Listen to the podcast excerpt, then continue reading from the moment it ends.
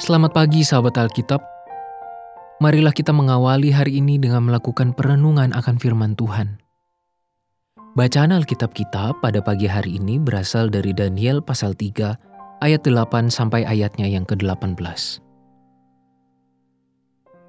Pada waktu itu juga tampillah beberapa orang Kasdi menuduh orang Yahudi. Berkatalah mereka kepada Raja Nebukadnezar, Ya Raja, kekalah hidup Tuanku. Tuanku Raja telah mengeluarkan titah bahwa setiap orang yang mendengar bunyi sangkakala, seruling, kecapi, rebab, gambus, serdam, dan berbagai-bagai jenis bunyi-bunyian harus sujud menyembah patung emas itu. Dan bahwa siapa yang tidak sujud menyembah akan dicampakkan ke dalam perapian yang menyala-nyala. Ada beberapa orang Yahudi yang kepada mereka telah Tuanku berikan pemerintahan atas wilayah Babel, yakni Sadra, Mesah, dan Abednego.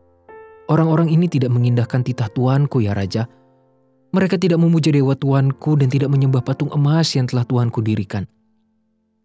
Sesudah itu Nebukadnezar memerintahkan dalam marahnya dan geramnya untuk membawa Sadra, Mesah, dan Abednego menghadap. Setelah orang-orang itu dibawa menghadap raja, berkatalah Nebukadnezar kepada mereka, Apakah benar, hai Sadra, Mesah, dan Abednego, bahwa kamu tidak memuja dewaku dan tidak menyembah patung emas yang kudirikan itu?' Sekarang, jika kamu bersedia, demi kamu mendengar bunyi sangkakala, seruling, kecapi, rebab, gambus, serdam, dan berbagai-bagai jenis bunyi-bunyian, sujudlah menyembah patung yang kubuat itu. Tetapi jika kamu tidak menyembah, kamu akan dicampakkan seketika itu juga ke dalam perapian yang menyala-nyala. Dan dewa manakah yang dapat melepaskan kamu dari dalam tanganku? Lalu Sadrah, Mesah, dan Abednego menjawab Raja Nebukadnezar, tidak ada gunanya kami memberi jawab kepada Tuanku dalam hal ini. Jika Allah kami yang kami puja sanggup melepaskan kami, maka ia akan melepaskan kami dari perapian yang menyala-nyala itu dan dari dalam tanganmu ya Raja. Tetapi seandainya tidak, hendaklah Tuanku mengetahui ya Raja, bahwa kami tidak akan memuja dewa Tuanku dan tidak akan menyembah patung emas yang Tuanku dirikan itu.'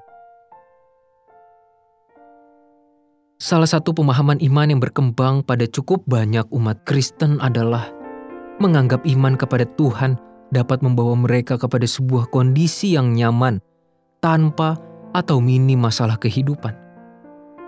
Pemahaman yang seperti demikian tentu perlu dikritisi secara bertanggung jawab.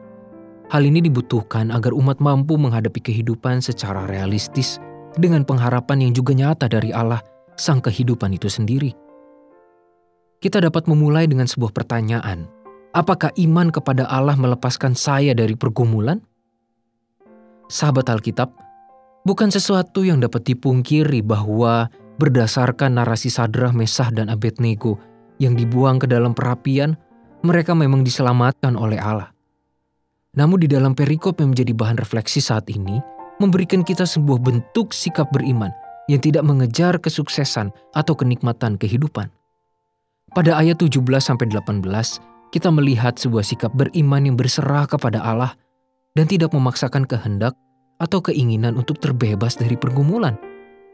Raja Nebukadnezar sedang merendahkan Allah yang disembah oleh Sadrak, Mesak, dan Abednego. Namun mereka bertiga justru merespons dengan pernyataan iman yang elegan sekaligus sangat berkuasa. Mereka berkata, "Jika Allah yang kami puja sanggup melepaskan kami, maka ia akan melepaskan kami dari perapian yang menyala-nyala itu. Dan dari dalam tanganmu ya Raja, tetapi seandainya tidak, hendaklah Tuanku mengetahui ya Raja, bahwa kami tidak akan memuja dewa Tuanku dan tidak akan menyembah patung emas yang Tuanku dirikan itu. Paling tidak terdapat dua nilai yang terkandung dalam jawaban ketiga pemuda tersebut, yaitu pertama, kuasa Allah melebihi siapa pun. Kedua, keterlepasan dari pergumulan atau masalah bukan menjadi penentu berkuasa atau tidaknya Allah dan tidak menjadikan iman kepada Allah sebagai sesuatu yang sia-sia. Artinya, bagi Sadrah, Mesah, dan Abednego, keterlepasan dari ancaman Nebukadnezar bukanlah tujuan mereka beriman kepada Allah. Mereka tidak lagi memedulikan apakah Allah sanggup atau tidak melepaskan mereka dari perapian karena iman mereka sudah melampaui persoalan tersebut. Allah sudah tentu sanggup melepaskan mereka, namun sesuai dengan kehendaknya. Bagi mereka bertiga, iman bukan dimaksudkan untuk melepaskan mereka dari masalah, melainkan memampukan mereka untuk menjalani kehidupan dengan segala pergumulan yang ada di dalamnya. Imanlah yang memampukan mereka menghadapi ancaman perapian dengan sikap teguh dan keteguhan karena adanya pengharapan hidup di dalam Allah, Sang Kuasa. Marilah kita berdoa.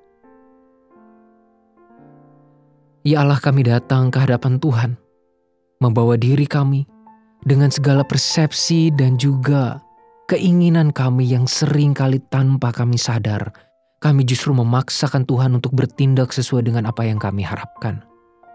Ketika kami menghadapi pergumulan atau masalah dalam kehidupan, kami sering kali menyempitkan, entah sadar atau tanpa sadar. Kami mengerdikan cara Tuhan bekerja dalam hidup kami. Kami menyempitkan ruang kerja Tuhan hanya dalam bentuk berkat atau keterlepasan dari masalah dan pergumulan dan tanpa kami sadari, dan kami pun terlupakan bahwa ketika kami ada di dalam pergumulan itu, sesungguhnya Tuhan pun tetap ada bersama-sama dengan kami. Tuhan sedang menyertai kami. Tuhan sedang memberkati kami.